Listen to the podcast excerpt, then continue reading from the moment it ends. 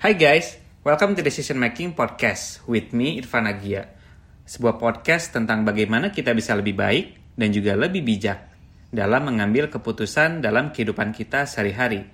Dibahas dari berbagai perspektif, terutama keilmuan psikologi dan behavior science. Karena hidup adalah akumulasi dari pilihan-pilihan yang kita ambil. Summary dari setiap episode di podcast ini akan selalu gue share di fitur Insta Stories. Jadi, nanti bisa cek aja di Instagram at irfan underscore agia. Nah, di episode ke-80 ini, kita bakal bahas topik tentang marketing psychology. Nah, sebenarnya ini adalah topik yang sering banget gue bawain kalau di luar podcast ini ya, gitu. Karena memang pertama background keilmuan gue itu uh, cukup relevan ya. Jadi S1 gue psikologi, S2 gue adalah Economic and Consumer Psychology, kemudian uh, gue bekerja di beberapa industri, itu role-nya itu benar-benar apa ya, spesifik ya. Uh, gue jadi consumer researcher dan itu memang uh, ber bergelutnya tuh di bidang marketing, bisnis gitu ya, sama riset-riset. Jadi uh, di luar apa di luar gue podcast ini gue biasa ngisi materi tentang marketing psychology nah kemarin juga ada beberapa request juga untuk bikin satu episode khusus tentang marketing psychology jadi apa sih peran penting dari keilmuan psikologi terutama di bidang marketing? Gitu ya gimana kita bisa mengaplikasikannya? Kalau kita mau apa menjual sesuatu barang gitu ya, atau memarketkan suatu jasa. Dan juga untuk kita sebagai konsumen sendiri apa sih yang perlu kita perhatikan biar kita tanda kutip tidak terjebak ya untuk membeli atau terpengaruh uh, menggunakan atau membeli suatu jasa yang mungkin sebetulnya nggak kita butuhkan. Ya, jadi bisa dilihat dari dua sisi ya teman-teman Nah, jadi di episode kali ini gue bakal bahas eh, faktor-faktor uh, apa aja yang perlu kita pertimbangkan, yang perlu kita ketahui, dan uh, apa aja sih prinsip-prinsip psikologi yang biasanya dipakai untuk keilmuan marketing. Nah, jadi di sini kita akan bahas satu-satu dan mungkin uh, sebagai pembuka yang paling penting kita bahas dulu tentang uh, kenapa sih uh, psychology itu important untuk uh, keilmuan dunia marketing dan juga bisnis in general. Nah, mungkin dari sini kita perlu bahas dulu dari sisi etimologi ya atau uh, asal katanya biar kita tahu esensi dasar dari uh, terutama marketing dulu ya. Nah, marketing itu berasal dari kata Latin uh, namanya mercatus. Artinya itu adalah marketplace. Nah, jadi uh, marketplace itu tuh ada dua entity ya atau dua dua bagian lah. Ada satu bagian yang namanya merchant atau orang yang menjual dan yang kedua satu sisi yang lain itu ada yang namanya konsumen atau yang beli. Nah, ini adalah dua entitas ini tuh melakukan proses jual beli di dalam uh, marketplace tersebut. Gitu. Jadi pada dasarnya kalau teman-teman tahu marketing itu memang esensinya adalah influence ya.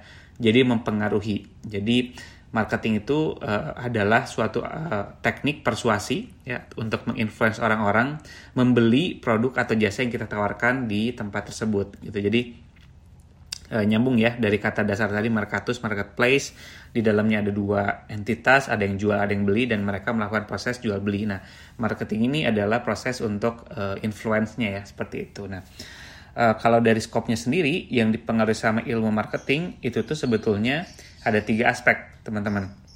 Dari sisi uh, konsumen ya yang ingin dipengaruhi oleh ilmu marketing ini. Yang pertama adalah knowledge, yang kedua adalah attitude, yang ketiga adalah behavior. Nah, jadi ini ada nama frameworknya namanya KAB model ya, teman-teman. Jadi uh, tiga tadi uh, ilmu marketing itu mencoba mempengaruhi konsumen dari sisi knowledge, dari sisi attitude atau sikap, dan dari sisi behavior juga.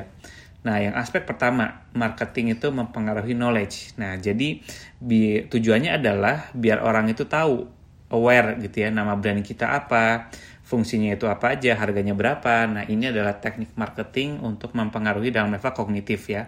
Jadi kita tahu, kita aware gitu ya terhadap produk atau jasa yang uh, ingin kita uh, jual. Nah, yang kedua adalah ilmu marketing dalam mencoba mempengaruhi sikap kita atau attitude.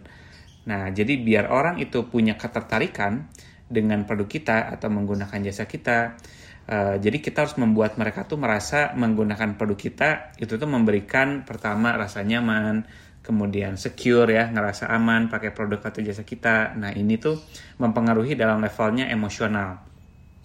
Nah yang terakhir itu mempengaruhi behavior atau perilaku. Jadi ilmu marketing itu juga bertujuan utamanya adalah agar orang tersebut atau konsumen itu akhirnya menggunakan produk kita ya. Jadi loyal sama kita dan juga merekomendasikan produk kita pada orang lain. Nah, challenge utamanya teman-teman itu adalah uh, konsumen itu sendiri. Jadi subjek utama yang akan dipengaruhi, which is konsumen, itu adalah manusia yang sangat kompleks, teman-teman. Jadi kalau kita sebagai manusia mengambil keputusan, uh, salah satunya misalnya menggunakan suatu produk atau suatu jasa, itu uh, decision makingnya itu banyak banget faktornya dari sisi logis, dari sisi emosional, dari aspek sosial, dari aspek budaya, dari aspek sosial ekonomi status itu dan lain-lain itu banyak banget gitu. Jadi kalau dulu itu ada anggapan atau teori ilmu ekonomi klasik itu menganggap bahwa manusia itu adalah makhluk yang logis atau yang rasional, konsisten gitu. Nah, tapi e, di challenge oleh beberapa keilmuan, salah satunya adalah keilmuan psikologi yang juga menekankan bahwa manusia itu sebetulnya pada dasarnya juga ada aspek emosionalnya juga. Ada aspek uh, apa uh, nggak konsisten nggak logis nggak rasional gitu. Jadi that's why konteks itu menjadi sangat penting buat uh, buat orang yang ingin menjual jasa. Kayak contoh kita ingin menjual produk atau jasa uh, untuk orang-orang yang sosial ekonomi statusnya middle low sama middle up pasti akan berbeda gitu ya. Terus kita mau menjual produk untuk eh, orang-orang di negara yang budayanya kolektivis sama individualis itu akan beda juga gitu. Dan juga uh, challenge-nya lagi adalah dari sisi konsumen sendiri. Kadang kita juga punya anggapan bahwa oh ya udah kalau kita pengen ngejual konsumen, kita kan tentu harus paham dulu ya kebutuhan konsumen itu apa sih gitu ya, keinginan mereka apa, terus ya udah kita buat produk ya atau jasa yang memang dibutuhkan sama konsumen tersebut ya udah kita cukup nanya aja ke konsumen maunya apa butuhnya apa dan lain-lain. Tapi pertanyaan utamanya adalah uh, is it that simple? Gitu ya. Ya udah apakah kita cukup nanya aja ke konsumen? Nah tapi pada pelaksanaannya tidak semudah itu. Jadi uh, gue coba mengutip salah satu apa quotes ya dari David Ogilvy. Ini yang selalu gue pegang dan selalu ingat juga ya ketika dalam konteks bekerja atau konteks juga pengen memahami seseorang atau konsumen. Jadi dia tuh sempat bilang gini Uh, the problem with the research atau the problem with uh, understanding consumer adalah pertama first consumers don't think how they feel. Konsumen itu tidak memikirkan apa yang mereka rasakan gitu ya. Yang kedua adalah they don't say what they think. Mereka tidak mengatakan apa yang mereka pikirkan. Dan yang ketiga adalah they don't do what they say. Mereka tidak melakukan apa yang mereka katakan gitu. Jadi ini cukup kompleks ya teman-teman kalau didengar tapi uh, cukup make sense juga karena kita sebagai manusia pun gak selalu bisa mengartikulasikan uh, apa yang kita rasakan gitu ya dengan baik. Kemudian kita juga tidak selalu misalnya kalau kita ditanya di suatu riset gitu ditanya sama orang mau nggak nanti misalnya kalau kita launching produk kayak gini nih uh, mau beli nggak atau mau merekomendasikannya nggak Nah, kita sebagai manusia tuh very bad at forecasting things, teman-teman. Gitu. Kita very bad dalam uh, hypothetically uh, memperkirakan apa yang akan kita lakukan baik itu di minggu depan, di bulan depan atau beberapa tahun ke depan, gitu ya. Jadi agak sulit untuk kita bisa tanda kutip secara riset tuh mentah-mentah gitu ya, menelan data, menelan riset yang dilakukan untuk memahami konsumen. Seperti itu. Jadi intinya adalah uh, ilmu psikologi ini tuh penting banget teman-teman untuk uh, memberikan aspek uh, kontekstual ya, memberikan aspek empati juga dan make sure bahwa semua uh, teknik marketing, marketing plan kita, campaign kita itu tuh kontekstual dan user centric gitu. Jadi mungkin kalau bisa disimpulkan ya, kenapa sih ilmu psikologi itu penting gitu ya di dunia marketing? Karena ilmu psikologi itu bisa memberikan empati dan juga mendiagnosa ya, mendiagnosa uh, secara kontekstual apa yang dibutuhkan oleh konsumen sehingga produk atau jasa atau bisnis itu bisa memberikan uh, produk atau jasa yang benar-benar relevan. Seperti itu teman-teman. Jadi uh, itulah pentingnya uh, ilmu psikologi ya. Kita memahami dasar aja gitu ya basic aja ilmu psikologi untuk memahami konsumen. Karena marketing at the end of the day itu adalah uh, teknik untuk mempengaruhi konsumen di mana konsumen itu adalah manusia ya manusia yang memang secara psikologis itu perlu kita uh, uh, pahami secara holistik dan kontekstual. Nah kemudian pertanyaan berikutnya lagi nih, oke okay, uh, gue udah tahu sekarang kalau ilmu psikologi itu cukup penting kita harus uh, ngambil perspektif taking gitu ya. Tapi gue juga perlu tahu nih untuk mengubah perilaku konsumen gitu ya. Untuk bikin orang itu mau menggunakan produk produk gua, jasa gua itu frameworknya kayak gimana sih? Atau apa aja rumus-rumus yang bisa gua pakai biar gua secara aplikatif bisa langsung uh, mengaplikasikan ini dalam strateginya. Nah, jadi ini juga ada ada salah satu framework yang sering banget gue share juga kalau gue ngisi beberapa apa acara tentang atau seminar atau workshop tentang marketing psychology itu gue selalu pakai uh, framework dari BJ Fogg. Nah, BJ Fogg ini dia uh, punya framework namanya behavior change model. Gitu. Jadi ada ada rumus uh, judulnya itu adalah B sama dengan MAT. Nah, jadi gue coba ulang lagi ya. B sama dengan MAT. Nah, apa itu masing masing-masing dari huruf tersebut? Jadi B itu adalah behavior ya. Uh, nah, sama dengan MAT. Jadi, suatu perilaku itu akan terjadi ketika ada tiga aspek ini yang mendukung. Yang pertama adalah M atau motivation atau kemauan ya. Jadi orang atau uh, konsumen kita itu perlu punya motivasinya atau kemauannya gitu ya untuk uh, menggunakan produk atau jasa kita gitu ya. Nah, motivation ini uh, konteksnya apa aja nih? Simple teman-teman sebetulnya. Jadi kita sebagai manusia itu punya uh, dasar motivation itu cuma dua sebetulnya. Jadi yang pertama adalah avoiding pain. Kita tuh menghindari ketidaknyamanan, menghindari sesuatu yang menyakitkan gitu ya. Dan yang kedua adalah seeking pleasure. Mencari sesuatu yang membuat kita nyaman, senang gitu ya, bahagia dan lain-lain. Jadi pada dasarnya cuma itu doang gitu ya, uh, seeking pleasure sama avoiding pain. Tapi turunannya jadi banyak. Gitu kayak contoh misalnya uh, kita mengkonsumsi suatu makanan atau minuman dengan rasa yang kita suka. Misalnya gue minum apa uh, uh, makan es krim misalnya ya. Nah gue tuh suka vanilla. Nah gue tuh mengkonsumsi produk tersebut untuk motivasinya adalah seeking pleasure. Gue pengen uh, apa uh, menghilang apa menghilangkan dahaga misalnya terus pengen pengen apa pengen sesuatu yang enak di lidah itu adalah uh, seeking pleasure gitu ya. Terus yang kedua misalnya contoh avoiding pain. Nah avoiding pain misalnya uh, eh, gue sekarang kalau bayar-bayar itu uh, udah enaknya itu pakai uh, apa pakai cukup scan aja scan barcode di handphone misalnya. Nah, ini sebetulnya gue secara motivasi avoiding pain dengan gue tuh banyak bawa uang kertas misalnya di dompet gue merasa tidak nyaman atau ngerasa insecure gitu ya. Kalau misalnya apalagi kalau gue turis gitu misalnya. Turis kalau bawa dompet bawa uang banyak-banyak gitu terutama uang kertas gue ngerasa insecure. Nah gue pengen menghindari ketidaknyamanan tersebut dengan ya udah gitu ya, semua payment itu misalnya dalam satu tempat apakah itu handphone gitu satu aplikasi itu sebetulnya uh, menghindari ketidaknyamanan gue untuk bawa uang banyak-banyak uang cash banyak-banyak. Misalnya kayak gitu. Jadi motivation itu sesederhana itu teman-teman Nah, yang kedua adalah A-nya itu adalah ability atau kemampuan. Jadi, konsumen itu harus memiliki kemampuannya untuk menggunakan produk kita. Nah, kemampuan di sini konteksnya banyak, teman-teman. Yang pertama, kemampuan dalam segi waktu. Gitu. Jadi, mereka harus punya waktunya untuk menggunakan produk kita. Gitu. Contohnya misalnya uh, eh, gue uh, tertarik pengen beli suatu barang, tapi barangnya itu tuh cuma ada offline jadi belum buka apa belum buka uh, jasa untuk online shop. Nah gue sebenarnya punya uangnya gue punya kemauannya gitu ya. Tapi gue nggak punya waktu gitu ya untuk harus datang gitu ya nyempetin waktu keluar rumah ke toko tersebut untuk beli barang tersebut. Nah gue nggak punya waktunya. Jadi gue nggak punya kemampuan untuk uh, apa uh, spending time to to give some effort to go to those offline store. Nah itu otomatis juga kan nggak akan bisa nggak akan terjadi pelakunya Kemudian yang kedua dari sisi kemampuannya itu effort gitu ya. Nah, suatu perilaku tidak akan terjadi ketika kita merasa effortnya itu terlalu besar gitu ya. Kayak tadi juga contoh, aduh ini effort banget, gue harus keluar rumah, gue harus apa uh, uh, pakai mobil ke sana ah jadi males deh nggak usah. Nah itu juga kan effortnya terlalu besar. Terus ya, ada lagi dari segi uh, education.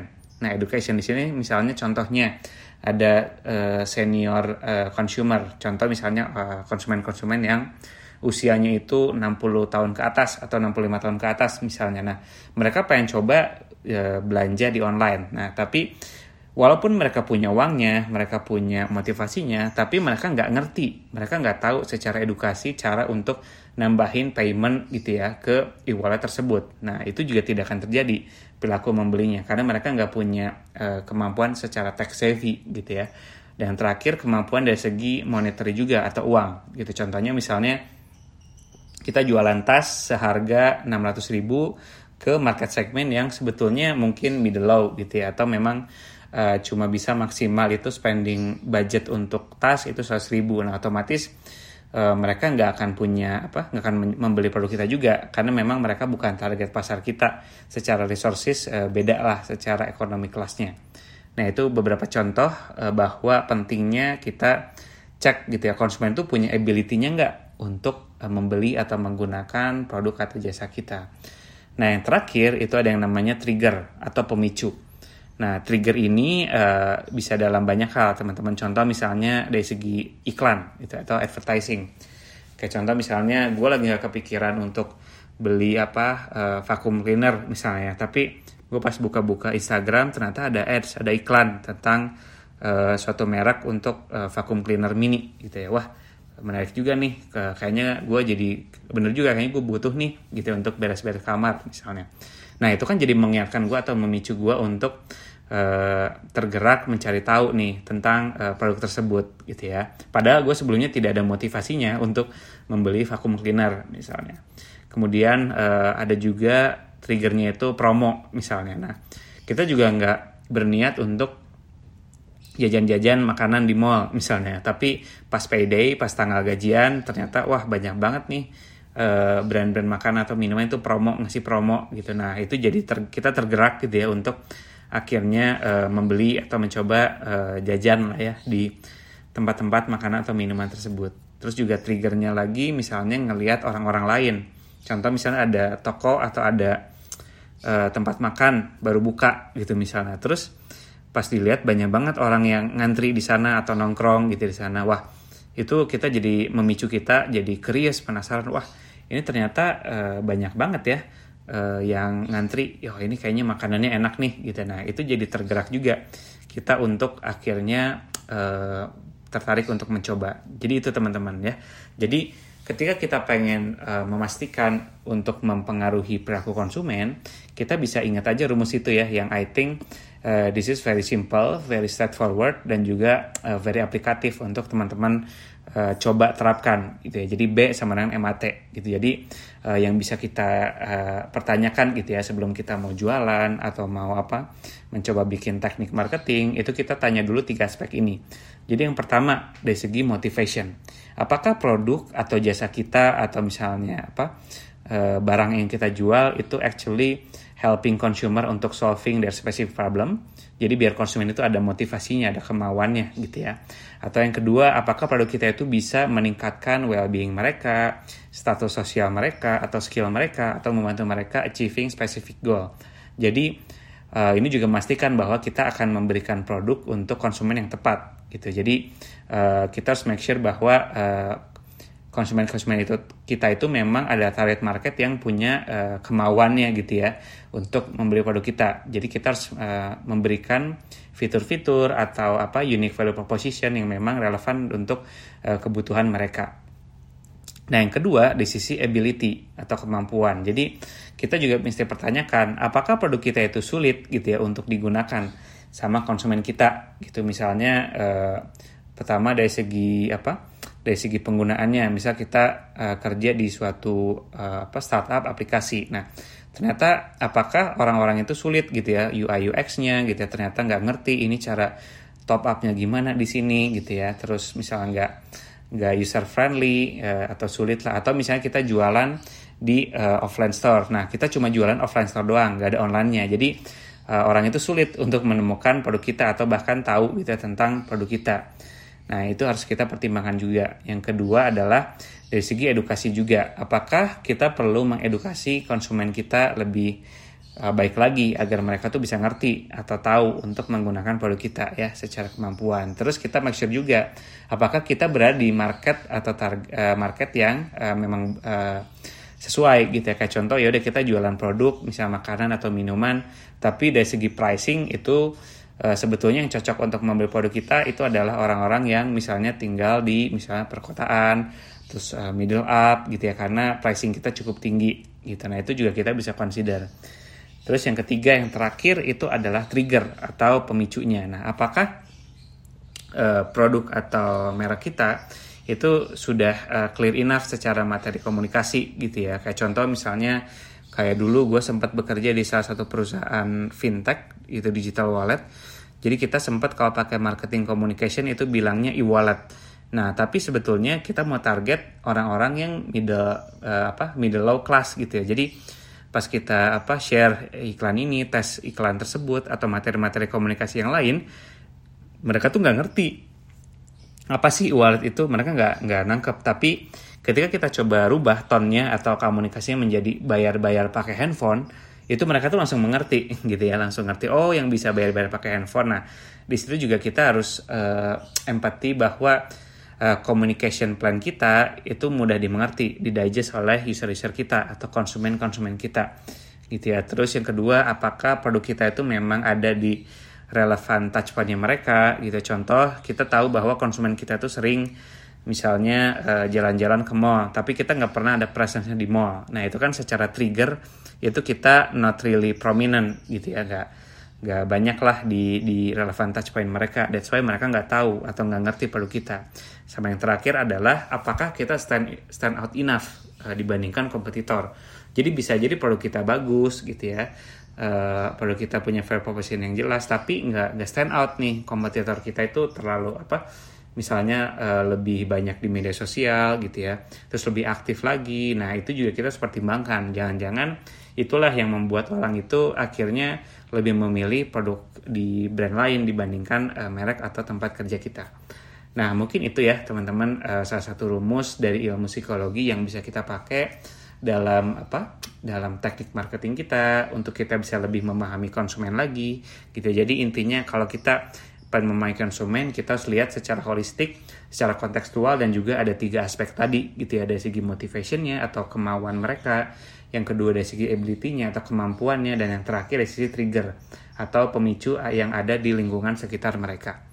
Oke, okay, I think uh, that's all ya uh, untuk summary dari episode kali ini. Semoga bisa memberikan wawasan tambahan untuk keilmuan teman-teman, terutama kalau yang mau jualan atau teman-teman kerja gitu ya di perusahaan di bidang marketing atau sales. Uh, I think it's very relevant ya untuk teman-teman tahu uh, basic dasar ilmu psikologi agar bisa uh, diimplementasikan di pekerjaan teman-teman. Nah, untuk episode selanjutnya, gue bakal bahas topik tentang entrepreneur versus employee gitu ya. Nah, apakah uh, karena kan entrepreneur ini kan selalu cukup tanda kutip diagung-agungkan gitu ya. Ini tuh sangat penting lah dan memang tidak dipungkiri gitu ya menjadi pengusaha gitu ya menjadi entrepreneur itu tuh penting. Tapi apakah itu uh, degrading the value the importance of employee atau jadi karyawan gitu ya. Apakah semua orang itu harus jadi apa uh, pengusaha gitu ya? Apakah apa apa sih pro consnya antara menjadi pengusaha atau menjadi karyawan gitu ya. I think itu adalah topik yang menarik yang bisa kita bahas di episode selanjutnya.